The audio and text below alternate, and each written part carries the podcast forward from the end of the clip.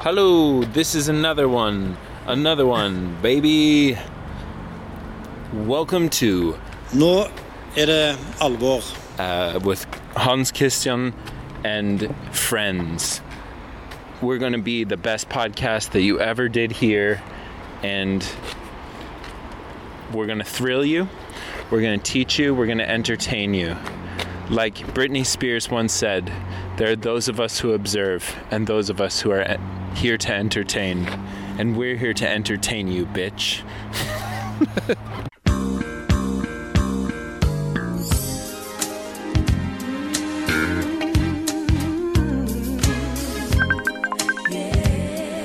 Hallå?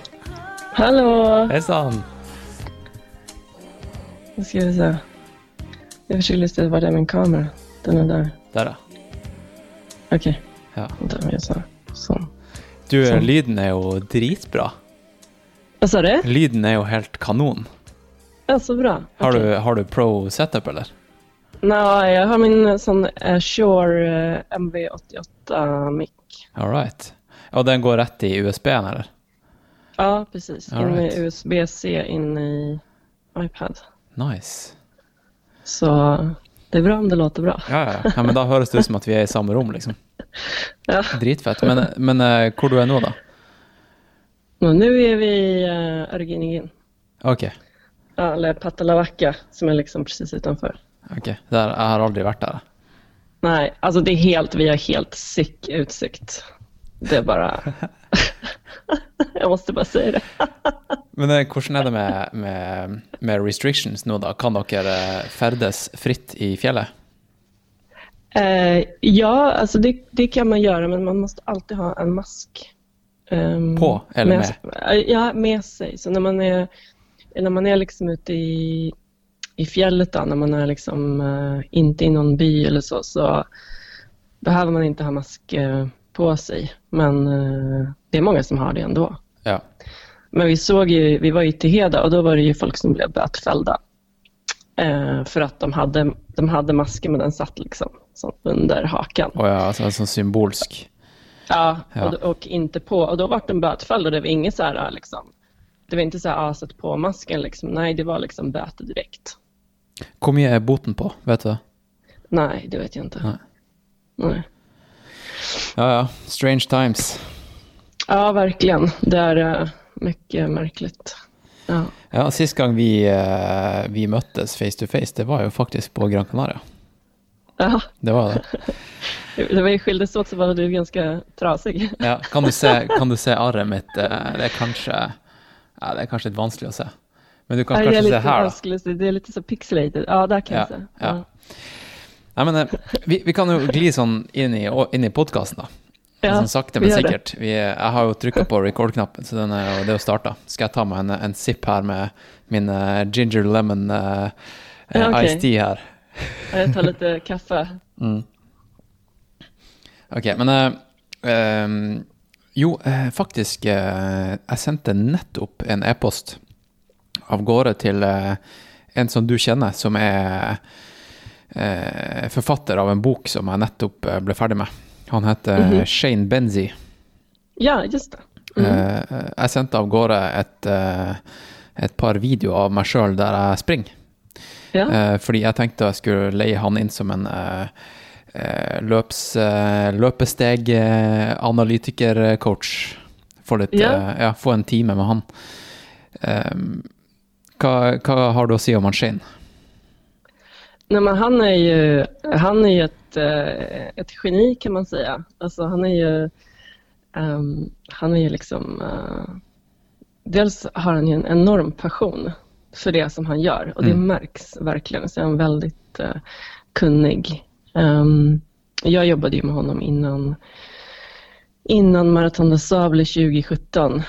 Ehm, och då så, eh, vi hade väl så, ja, 20 minuter, en halvtimme tillsammans kanske. Mm. Och ehm, jag sprang runt i cirklar på eh, en cricketplan i England. Ja. Och, ehm, och han, eh, han hjälpte mig verkligen att eh, förbättra min hållning då. Och när jag sprang med ryggsäck. Eh, och det tror jag, det gjorde verkligen skillnad. Man ser det på bilderna från MDS då, Ja. när jag springer. Um, hur bra hållningen var. Det er dødskult å vite liksom, at man kan, man kan liksom tweake på løpesteget og få masse igjen. Altså, det jo ekstremt mye bang for the buck, da. Bare med, med Ja. det istedenfor å drive og pushe med masse mer trening, så kan man hente masse med, med å bare endre på løpesteget. Ja, och han menar ju liksom att, ehm, att eh, ja, alltså du, du använder ju eh, kraft som kommer av, eh, av liksom recoil från fascia och sånt. Så det är, liksom, det är väldigt intressant att se honom när han förklarar det. och Han har sina modeller med liksom, gummiband och, och grejer, liksom hur allting hänger ihop. Ja, Men, ikke sant? eh, ja. Jeg tenker å, å få en session med han, og så invitere han til å være med i podkasten. mm. Det hadde vært fett. Ja, ja. Nej, men absolut. Och du, liksom, det kan bli en så här fem timmars podcast. alltså, en, gång, en gång skulle jag träffa honom för, eh, för en sån tekniksession och det slutade med att vi satt och snackade i tre timmar utan, att vi ens märkte det. Och sen hade tiden gått och då var det så bara oj då, nej, men då får vi boka en ny tid. Det jo dritfett. Det jo dritfett. Ja. Men eh, fortell om, eh, fortell om eh, Granca nå, da, og reisen ned dit. Er det, var det k- kronglete, eller? Var det Eh, Ja, alltså. eh, Ja, vi hade bokat ett eh, flyg med Norwegian Ja. från Gardermoen. Ehm, och eh, så blev det inställt då. Eh, för Norwegian ställde in alla sina utlandsflyg. Mm. Ehm, och ehm, då, då kände man sig lite så här, ja ja, liksom, för det har varit så svårt att resa. Liksom ända sedan mars. Det har ju varit flera gånger Ja. som flyg har blivit inställda och så.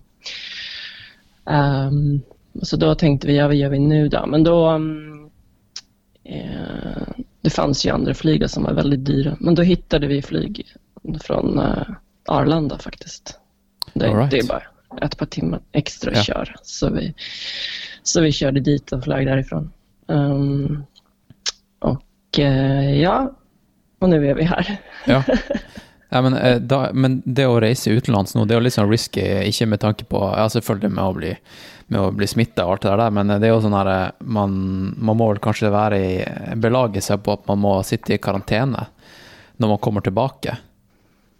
Ja, det är ju det. Alltså att du måste sitta i karantän när du kommer tillbaka. Så det får man ju liksom eh, ta hänsyn till då i, och se hur länge man kan, man kan vara borta. Och nu är det ju jul så då kan vi inte vara borta ända fram till jul för vi ska fira jul med familjen. Så Ja, man komma hem liksom, tio dagar innan. Ehm, men um, alltså, jag tycker att, eh, att reglerna liksom jag tycker att de inte är helt proportionerliga. Alltså, ehm, och, och, och det är ju lätt, alltså jag, jag tycker att egentligen att, att eh, norska regeringen är väldigt bra på att göra folk extremt rädda. De sprider ju väldigt mycket frykt Ja. ehm, för att eh, resa och gör det väldigt, väldigt svårt. Ehm, men, men verkligheten är ju att eh, det går att resa och, och vara safe liksom, och att ta hand om sig själv och ta hand om, om andra. Och, jag upplever ju här på Gran Canaria att ehm, det är en mycket större respekt för smittan än vad det är i, i Norge. Så, Mm. här går ju alla med eh, ansiktsmask.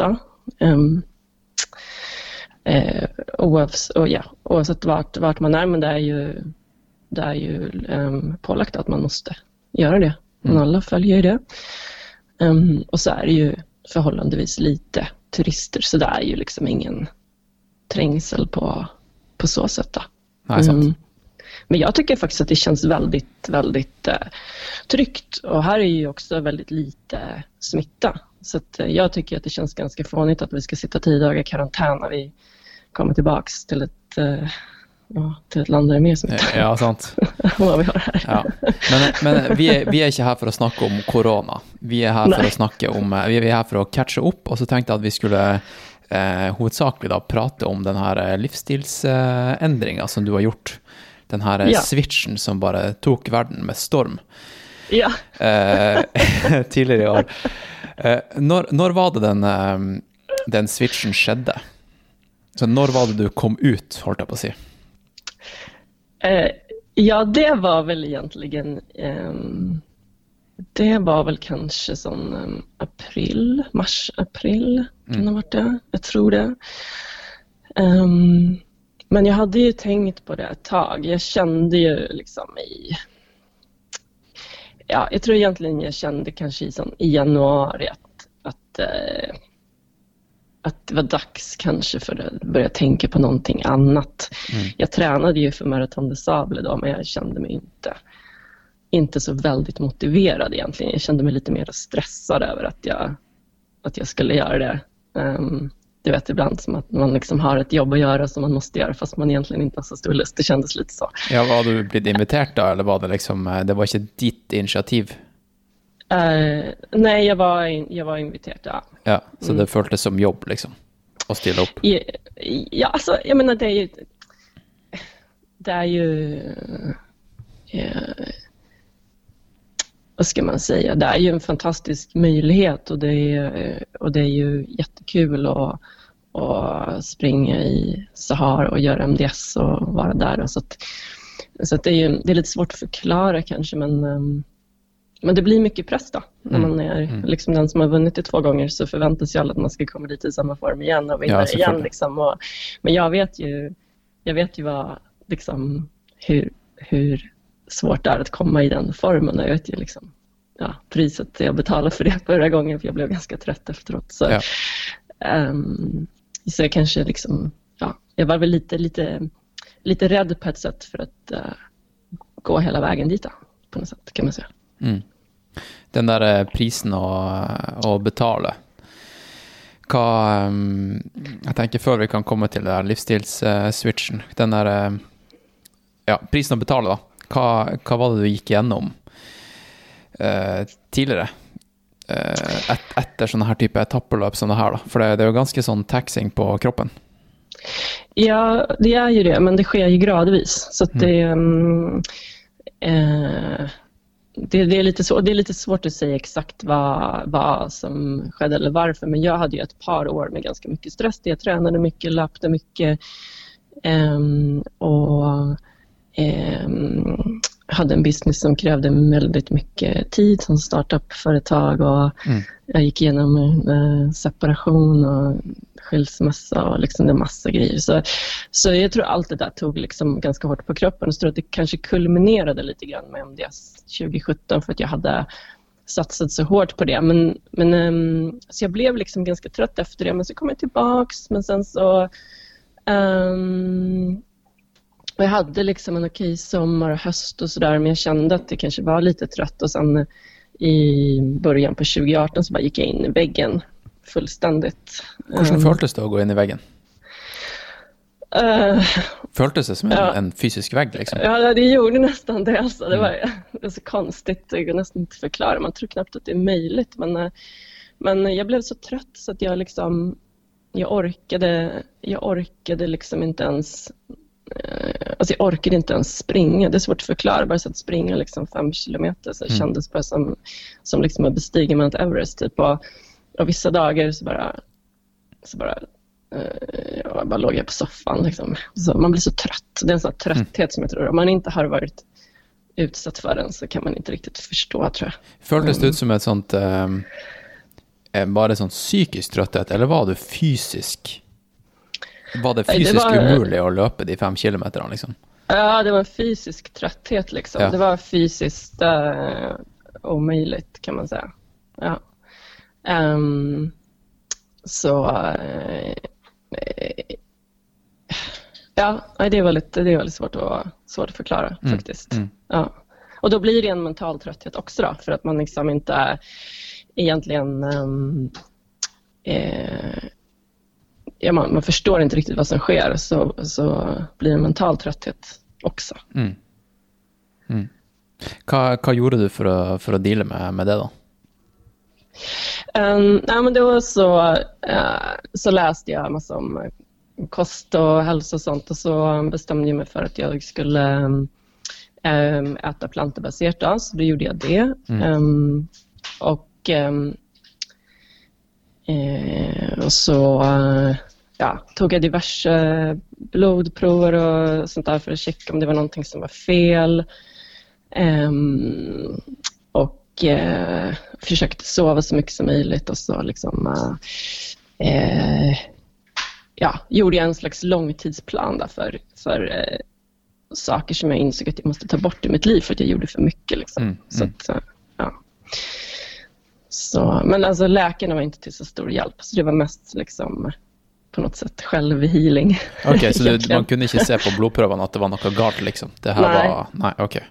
Nej, man kunde inte det. Och det, och det är liksom, ehm, men det är också så liksom att, eller det gick väl kanske kunna, alltså, kunna se vissa saker då, men så måste man då gräva djupare i en del grejer och då är det ehm, liksom så att när man går till sin vanliga läge då, det här var i och för sig i England men det är väl lite ganska liknande egentligen, så är det som de vet mycket, men det är mycket de inte vet och sen så har de liksom riktlinjer för vad de ska ta prover på och inte och sen så tittar de på liksom en, en ehm, en range då på värden och så säger de nej men du är inom normalen. Det är okej liksom, men, men det är skillnad på att ligga inom normalen och att vara optimal. Då. Så du kan Ja. ju aldrig vara liksom väldigt låg på saker fast du ligger inom normalen. Eh, men då bara för att man ligger inom normalen så kan de inte göra någonting. Liksom. Ehm, och det är de där nyanserna liksom, som, som ehm, eh, där jag tror att man kan göra saker men, men då får man ta tag i det själv.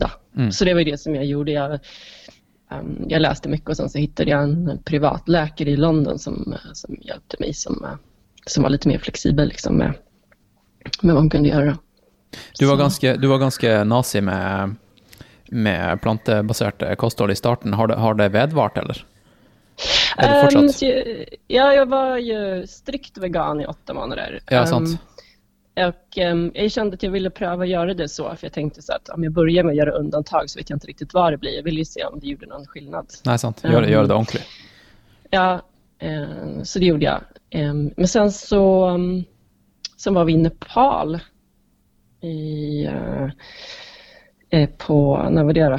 Ja, vi väl, eh, 28, det var 2018. på, det måste ha varit 2018 på hösten vi var i Nepal. Och, ehm, och då, um, eh, så när man är där uppe, ja du vet, det är inte så himla mycket mat att välja på Nej, nej. egentligen. Nei. Det er chapatis og egg. Ja. Ja, så då blev det liksom att det var mycket enklare om man åt ägg. Ja, ja. Så då tänkte jag, men jag äter, eh, jag äter ägg då. Ehm, så, så då gjorde jag det och sen så, um, ja, så jag blev liksom lite mer flexibel då. Så då så har jag egentligen, så nu så kan man säga att jag äter som vegan plus ägg och ibland lite, eh, lite ost. Ehm, men då helst som fårost eller getost då. Mm. Ehm, så det är väl typ, eh, ja, det är väl så kosthållet är liksom. Ok. Eh, og hvordan, eh, hvordan eh, har denne healing-prosessen eh, gått, da? Hvordan, eh, hvordan gikk det eh, la oss si, et år med, med å behandle kroppen bra? Ble det noe bedre, eller hvor lang tid tok det?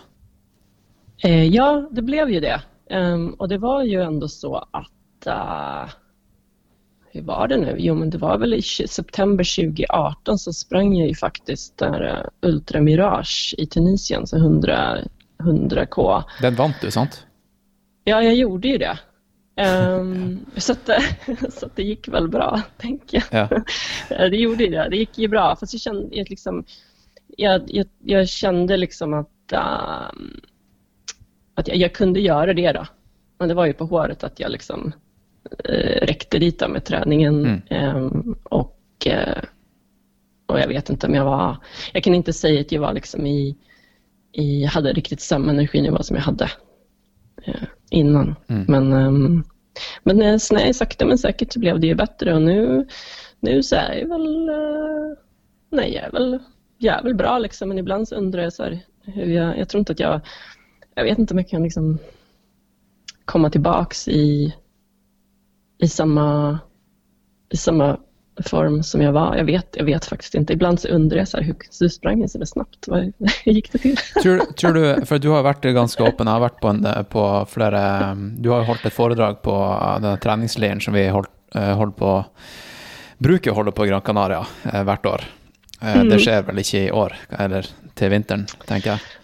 Ja, det är väl, eh, vi får väl, väl, vi får väl se. Det är ju liksom som sagt, eh, det är ju det här med karantänen som Ja. är den stora, den stora boven egentligen. Mm. Det får eh, det får for eh, spesielt interesserte, tenker jeg. Og eh, Ja. vi, får ta, vi får ta det spontant hvis det, hvis det klaffer. Mm. Men, men på, på, det her eh, foredraget som du, du, har holdt, så har du vært ganske åpen om eh, at du starta egentlig løpinga etter at du mista faren din.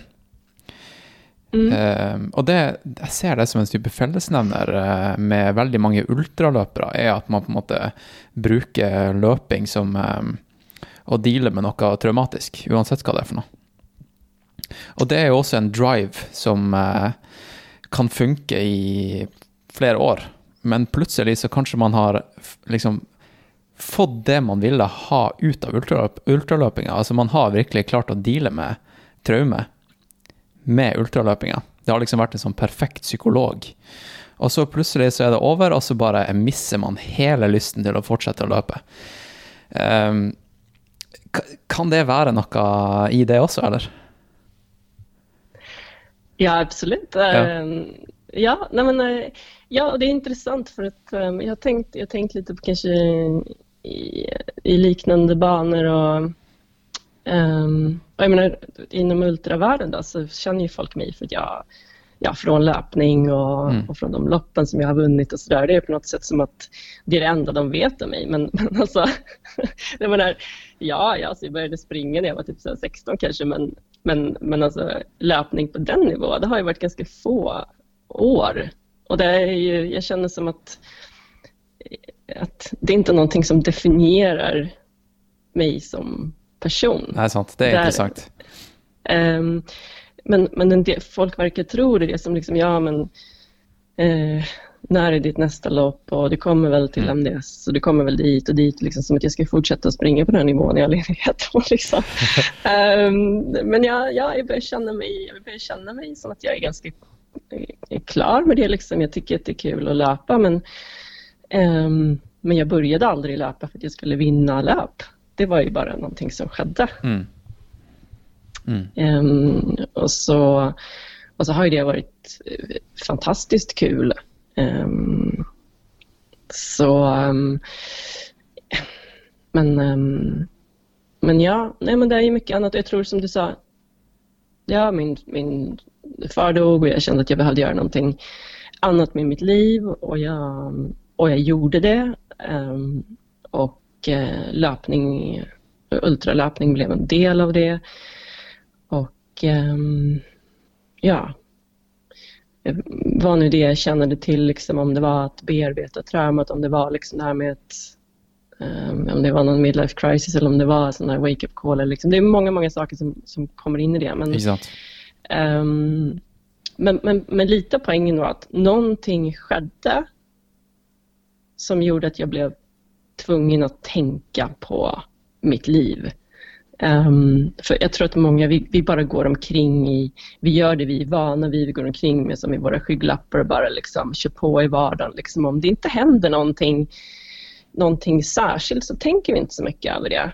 Um, jag tror liksom någonting, någonting, måste, någonting extra måste till för att man ska så här, vakna upp lite. Bara, ah, Okej, okay, shit vad gör jag liksom? Eller vad vill jag med livet? Mm. Um, och det var det som skedde. Och så tror jag att, att, att um, för många så har kanske eh, covid varit en sån trigger. Um, och det var väl det som hände mig igen liksom också. Att, ah, här skedde det någonting som gjorde att, att på något sätt jag, ja, jag fick eh, möjlighet att, eller en ursäkt kanske, att, att tänka på saker och ta ett steg i en annan riktning. Mm. Um, man har ju alltid möjligheten att göra det, man har ju alltid ett val. Ja, men, ja. men eh, det är inte alltid så lätt att ta det aktiva valet att ändra någonting om man inte får sig en liten sån eh, kick i baken liksom att, att göra det. Men du, du, hadde jo begynt å liksom peile deg litt inn på en ny livsstil eh, før covid også. Det, da du kom ut med den Insta-posten for første gang eh, i april, så, så, følte jeg ikke at det var et sjokk, egentlig. Det var bare sånn Ja, selvfølgelig. Det, det, det er jo helt naturlig. Selvfølgelig skal Elisabeth gjøre det. Det er liksom... ja, alltså jag hade tänkt ett tag att jag skulle göra någonting annat. Eller, eller kanske Eh, ers eller ersätta liksom eh, tävlingslöpningen då med någonting. Och så hade jag ju faktiskt funderat på att jag skulle läsa eh, läsa nutrition. För det har jag alltid varit intresserad av. Så jag hade faktiskt tittat lite på det. Men sen så eh, kan inte komma på exakt hur, exakt hur och när eh, eh, någonting skedde som gjorde att jag ändrade liksom den riktningen. Då. Men jag, eh, jag tror att det var någon gång i februari som jag hade någon liten sån um, epiphany, typ att, uh, att uh, det är ganska...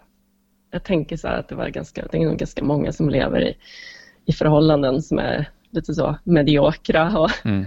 som egentligen kan ha det mycket bättre. Och så, och så började jag fundera på det och, och Sondre och jag pratade om det och så, um, så hur det nu var så hittade, ehm, det var Sondre faktiskt som hittade den här utbildningen i Danmark, då, sexologiutbildningen och så um, kunde man kombinera det med parterapi, så det är som en kombinationsutbildning. Då. Så, och då tänkte jag att ja, men det, låter ju, det låter ju väldigt intressant. Så då så sökte jag det och så skulle jag egentligen ha börjat i skulle ha börjat i uh, september. Mm. Um, därför att det var, vi hade en planerad um, bröllopsresa. Ja, 2019. Ja, och så var det maraton... Eh, vänta, vänta, nu ska vi se. Vad är det för... Nej, 20... 20... 20. Ja, för det här var när covid kom. Så okay, det var tidigare. Ja. ja. precis. Så det här var tidigare i år. Så det här var liksom att jag anmälde mig sån i februari, tror jag. Och så eh, februari eller mars. Och mm. så skulle jag börjat i september. Så ganska nyligen. Liksom. Um, men sen blev vår bröllopsresa inställd dagen innan vi skulle åka till Mexiko. Och så blev Marathon de Sable inställd. Och då plötsligt så passade det. För då kunde jag delta på undervisningen. Då, för det är ju sådana vissa datum där som man ska delta. Mm. Så då kunde jag tidigare lägga och börja den kursen som började i mars. Så då gjorde jag det. Så, så då, då gick du all in? Ja, och det var, alltså det var egentligen ganska bra för då fick jag någonting att fokusera på på en gång när allting annat liksom höll på att rämna. Ja. Man bara såg så här, löp efter löp inställt och, och jag liksom, det som jag har tjänat pengar på liksom, gjort eh, och levt på det är ju att vara, att vara löpcoach. Um, men typiskt sett så kommer mina kunder därför att de har ett, de har ett specifikt löp som de tränar för. Ja, och, och, och, och ofta maraton de sable. Exakt, exakt. Det är ganske sånn sånn, Du har en ganska kul CV, altså. Det är en väldigt unik. Det är väl ingen på jordkloden som har samma CV som deg. Fordi du, Nei, det, du, hva du utdanna deg som, och vad du liksom eh, eh, Hva du jobba som da du jobba i London? Ja, jo men jag... Alltså det var ju så att jag på um, på gymnasiet eller vidaregående som man säger på norsk så, mm. så läste jag musik faktiskt. Jag skulle bli professionell musiker. Spelade flöjt, ja, spelade flöjt och trummor och piano. um, så det var liksom min plan. Men sen så, um, sen så uh, ångrade jag mig. Um, jag läste klart men så har jag alltid varit väldigt bra på matematik och sådana ämnen. Så jag uh, då så um, läste jag till civilingenjör på Kungliga Tekniska Högskolan i Stockholm. Right. Um, och uh, så kom jag ut, uh, alltså, jag menar det var ju, ja jag vet inte, alltså jag kom ut därifrån och undrade vad sjutton ska jag göra med det här då liksom. Men varför begynte du på, på det studiet? Var det liksom en typ förväntningsgrej om att det var inte du själv som ville det? Var det? Ja, jo, men då så ville jag det, men jag tror att, jag, att det var nog mer, handlade nog mer om att jag inte riktigt var jag vill, visste vad jag ville göra. Du vet. Mm. Alltså, jag var nog lite så här, ja, vad ska jag göra typ, med mitt liv? Och så, och, så, um, och så var det nog lite så att ja, men om jag gör det så kan jag i alla fall, ja, så öppnar det väl ganska många dörrar, man kan ju bli allt möjligt liksom. Um, så jag tror att det var så jag tänkte plus att det hade lite att göra med med vilka ämnen jag hade läst på vidaregående och vad som jag faktiskt kunde söka och vad som passade. Men jag gick ett sånt kompletteringsår efter, um, efter vidaregående. Jag läste in all, matematik, fysik och kemi och, mm, mm. och teknik. Och sen så, uh, så gick jag då, um, fem år civilingenjörsutbildning Um, och då gjorde jag ett år i, som, som Erasmus-student i Madrid. Um, så det var väl, så här, det var väl höjdpunkten då. Det var ganska kul. Resten var väl så här, måttligt intressant. Så jag kom ut och så tänkte så bara, vad hela friden ska jag göra med det här? Liksom. Äh, jag kände inte att jag hade lärt mig någonting som var liksom, eh, applicerbart på någonting som jag tyckte var intressant. Så att, eh, då blev jag managementkonsult, för det är typ det som alla gör när de inte vet vad, vad de ska göra eller vad de kan eller någonting. Så, så det, um, så då jobbade jag um, för Accenture i Stockholm och så fick jag resa ganska mycket. Och så, och så tog det mig till London och där träffade jag min, um, uh, min exman. Mm. Um, och det gjorde att jag flyttade dit och så, och så jobbade jag i London då, som konsult. så, det virker så fjärnt liksom, att du har, att du har haft det livet. Men det var, ja. ja. så det var ju så här riktigt så här city life och jobba långa timmar på kontor och liksom allt sånt där och resa mycket. Och, och ja, och så, och så, eh, och så vänjer man sig vid det. Det är helt sjukt vad man vänjer sig vid. Liksom. Mm. Um, och, och det här med liksom att pendla till jobbet, det, är, det, det gör man. Det tar, tar en helt annan dimension liksom, i London med avstånden. Liksom. Det var ju det är så här fullständigt normalt att pendla en och en halv timme ja, ja, ja. och då är det helt grejt för alla andra gör det. enkel ja. väg liksom. Medan så här, ja, hemma i Skandinavien så är det kanske ganska ovanligt. Det hände ju beroende på vart jag jobbade att jag hade så här, upp till tre timmar enkel vägpendling. Liksom. Shit, alltså. helt ja. men, äh, men sen så, och det var då i det, när jag höll på med det och det gick bra och så vidare och jag är liksom ganska ambitiös så det, det gick fint men det var då som min pappa Eh, min pappa dog eh, mm. plötsligt, så där i 2010. Och det var då som jag började tänka så här, men vad är det jag håller på med? Du vet, liksom, ja, bara så här, ja. Nästa promotion och liksom, ja, då bara kändes allting så himla meningslöst. Så då, um, då tränade jag, jag, eller ja, då utbildade jag mig till eh, så sports therapist faktiskt. Så det är jag också. Men Vad är en sports therapist? Är det, alltså... ja, det är liksom som en manuell terapeut kan man säga. Okej, okay, okej. Okay. Ja, eh, så det, det, gjorde jag det och sen så jobbade jag lite med det vid sidan av. Och, så, uh, och, så, och så sålde vi vårt hus. Vi sålde vårt hus för att kunna starta upp en business. Så då, då satte vi faktiskt upp en sån um, fysioklinik vi hade någon anställd i. Och sen så, men sen så, så stängde vi den och startade en onlinebutik istället för löpning. Um, och den hade vi några år. Uh, sen så sålde, sålde vi den i 2018. Så jag okay. är fortfarande en liten del av den. Um, och, och, samtidigt alltså, så, blev du, så var du löpecoach? Ja, onli ja, online, precis. remote uh, löpecoach? Ja, i början så var jag liksom um, med både sån fysiskt och online. Då. Mm. Um, och det började jag väl med i 20... Ja, jag, jag började med det sedan 2015 egentligen. Jag gjorde det lite innan också, men jag började med det sedan 2015. Um, och så gjorde jag det och så ultralöpningen. Eh, jag fick ju sponsoravtal i 2016. Um, ehm, och sen så drev vi den här onlinebutiken och um, jag jobbade ju faktiskt i London också deltid tills, till uh, tidigt 2016. Ja. Så jag hade ju ganska mycket på en gång. Ja, ja då, då kraschar man. Då möter man väggen. Då kraschar man. Ja. Alltså, när man hör det här så är det så här, man reflekterar och så bara, ja, det är inte så konstigt att jag gick in i väggen kanske. Men, men uh, grunnen til at jeg vil snakke om din, var fordi at liksom det her med, med, det du studerer nå, og det, det som du uh, tilbyr nå av eh, coaching, er jo en ganske unik coachingpakke. Mm. Og det er jo Det er jo liksom Det er jo ultraløping kombinert med, med sex, altså terapi og coaching. Og ja. jeg tenker Det er jo egentlig Hvorfor ikke, liksom? Hvorfor, ja. altså det, er jo, det, er jo, helt genialt, fordi at um, uh, Å ta coachinga på litt dypere nivå enn bare liksom Ja, du skal løpe fire ganger fire minutter på tirsdag, og så løper du uh, en time rolig på onsdag. Altså, se litt mer på helheten i livet, da. Hvordan, ja. hvordan har uh, yrket ditt uh, endra seg, og kundene dine, kundene dine uh, endra seg? Ja, ja nej, men jag ska också bara gå tillbaka lite för, för att det här är egentligen som du säger, det är, det, ja, det är, det är ganska um, Ja, det passar ganska bra på något sätt. Men det är också så att när jag jobbade som konsult så jobbade jag faktiskt med förändringsledning. Och eh, jag läste faktiskt också en um, sånt graduate certificate eh, in change management från eh, Australian Business School. Som är, ja, så det var ehm, en slags MBA-kurs som jag gjorde medan jag jobbade då, som också i, i förändringsledning. Så jag, jag, har, det har ju varit lite som en röd tråd genom mitt arbete också, att jag har liksom hjälpt organisationer och individer genom Eh, olika typer av förändringar. Så på det sättet så, så passar det in ganska väl. Då.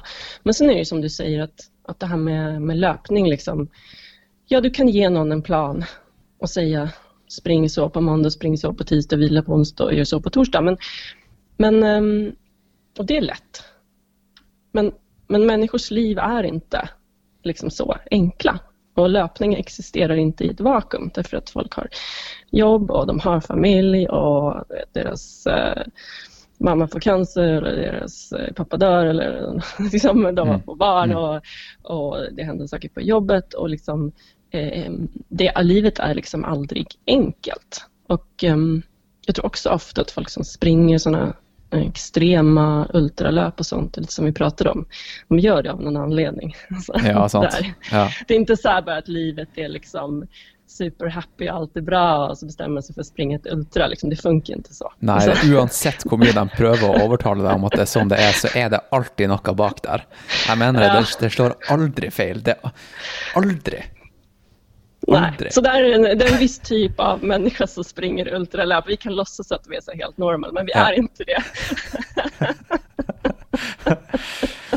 ja, men det är därför jag liker den podcasten här och jag liker, jag liker att, vara i miljö, för att det är bara bunch med freaks. Ja, och då, så, då, så det är ju faktiskt um, det är väldigt, det är väldigt. Men en, del, en del människor som, som har coaching, de vill ju bara ha den här planen. Ja, ja. Och så, that's it. Okej, okay, och det är fine. Men en del men en del av mina kunder pratar jag med om väldigt mycket annat än löpning. Det kan faktiskt vara så att när vi pratar så pratar vi om allting annat än, än löpning. Därför att eh, det kan vara andra saker i deras liv som de, som de behöver reda ut eller som är svåra och som de kanske inte har någon att att prata med eh, om. Och, eh, och det tycker jag är väldigt bra att, att jag kan göra. Eh, och att jag liksom har någonting mer att erbjuda än att bara liksom, lägga in i Training Peaks hur många kilometer man ska göra. Mm. Liksom. Mm. Har du haft någon, någon samtal med någon kund som har eh, gått in på sovrummet? Alltså där topicen handlar om faktisk eh, sex och samliv? Um, ja, det har jag. Ja. Mm. Mm. Har det Kan du fortelle litt altså Du trenger ikke gå altså Du har jo selvfølgelig ikke mulighet til å, til å gå så veldig i dybden på hvem det er, eller og sånt, men kan du, kan du, prate objektivt eller nøytralt om det?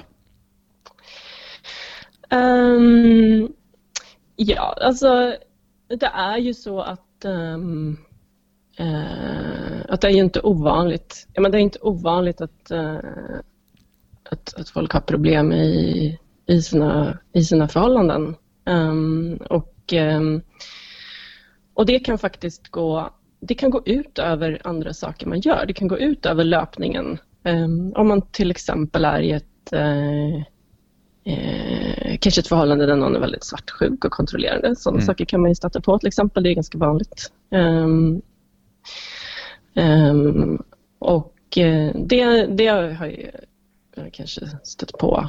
Det stöter man väl på mer ofta än inte. Liksom. Mm. Också för att, uh, för att löpning och träning för någon sån extrema löp tar ganska mycket tid.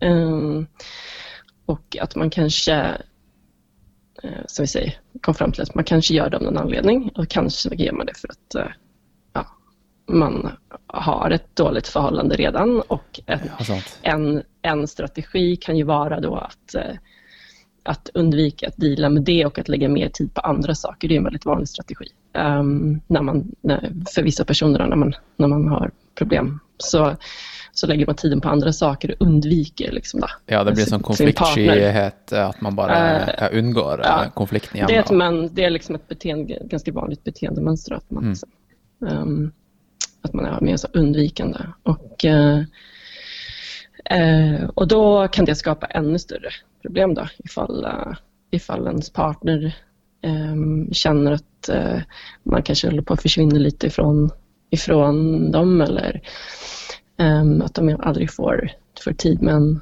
Eh, och så, så blir liksom, blir som en uh, ond cirkel kan man säga. Där den ena försvinner och den andra liksom jaktar på. Och så, och så blir det bara värre och värre. Och det, um, och um, ja, och sen, alltså, ja, sen det rena problem med sexlivet, det har jag ju pratat med folk om. Jag, jag, jag tror inte att jag ska gå in på liksom, Nej, nej. detaljer om det. Men, um, men, det, men jag tycker att det är fint att, um, att folk kan veta att de kan, uh, kan liksom öppna upp om det om de vill och att de vågar göra det. Och, och många gånger tror jag att, att, att det kan vara så att, eh, att folk kanske har problem fast de har liksom, förträngt det lite eller inte vet liksom, riktigt vem de ska prata med eller så.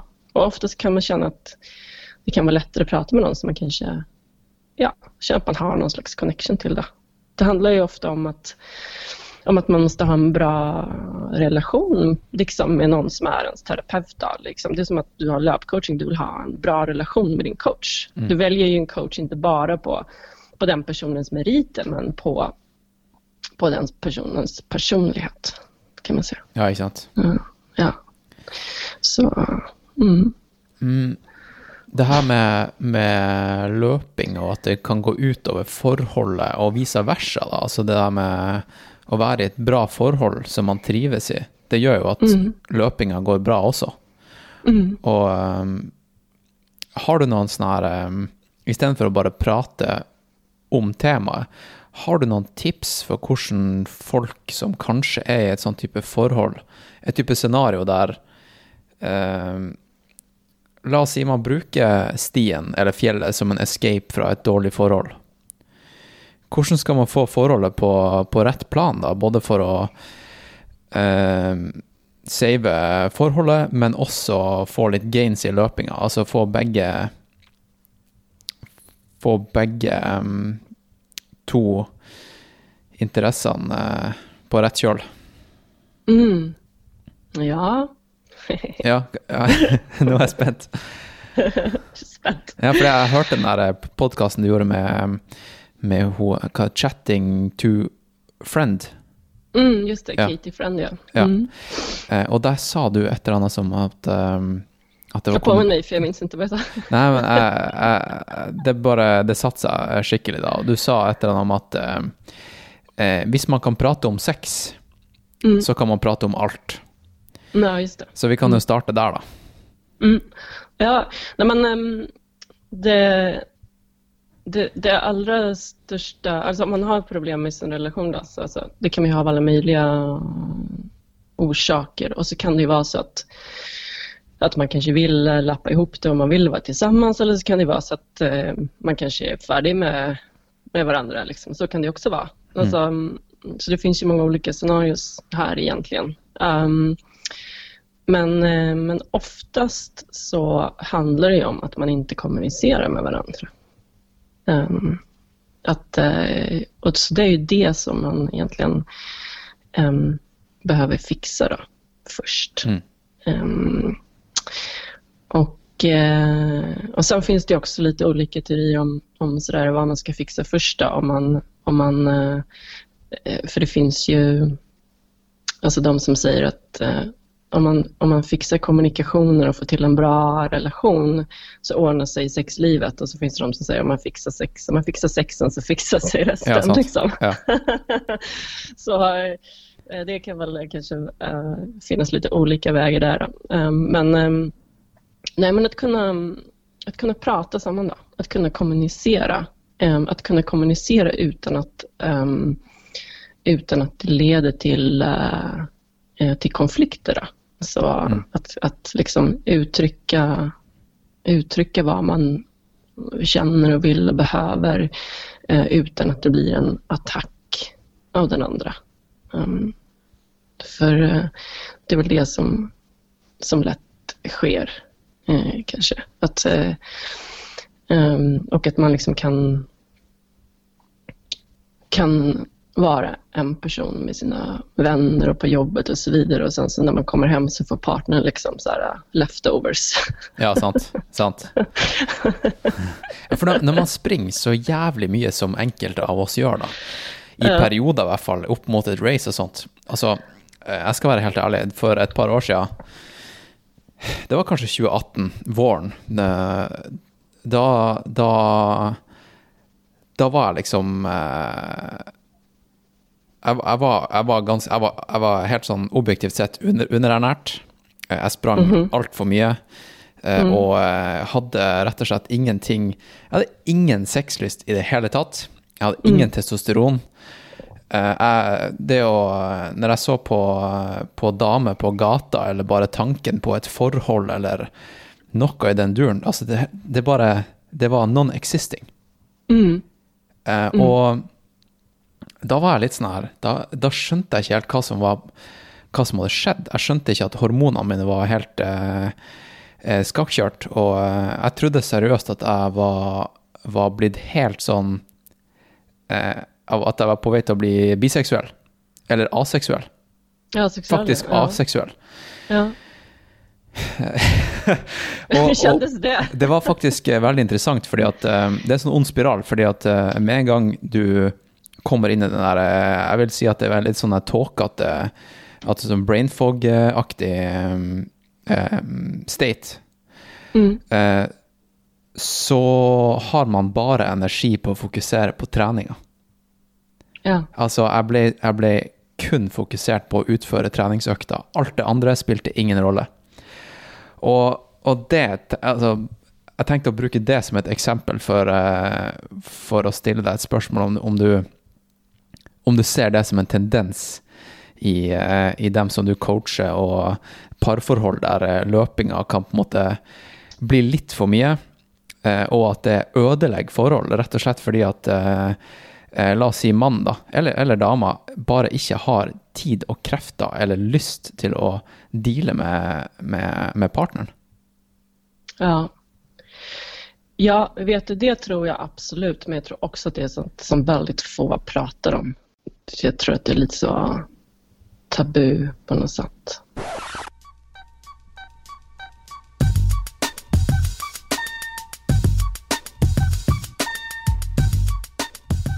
Alright, eh, folkens. Eh, sorry, men eh, jeg må rett og slett bare sette en strek der.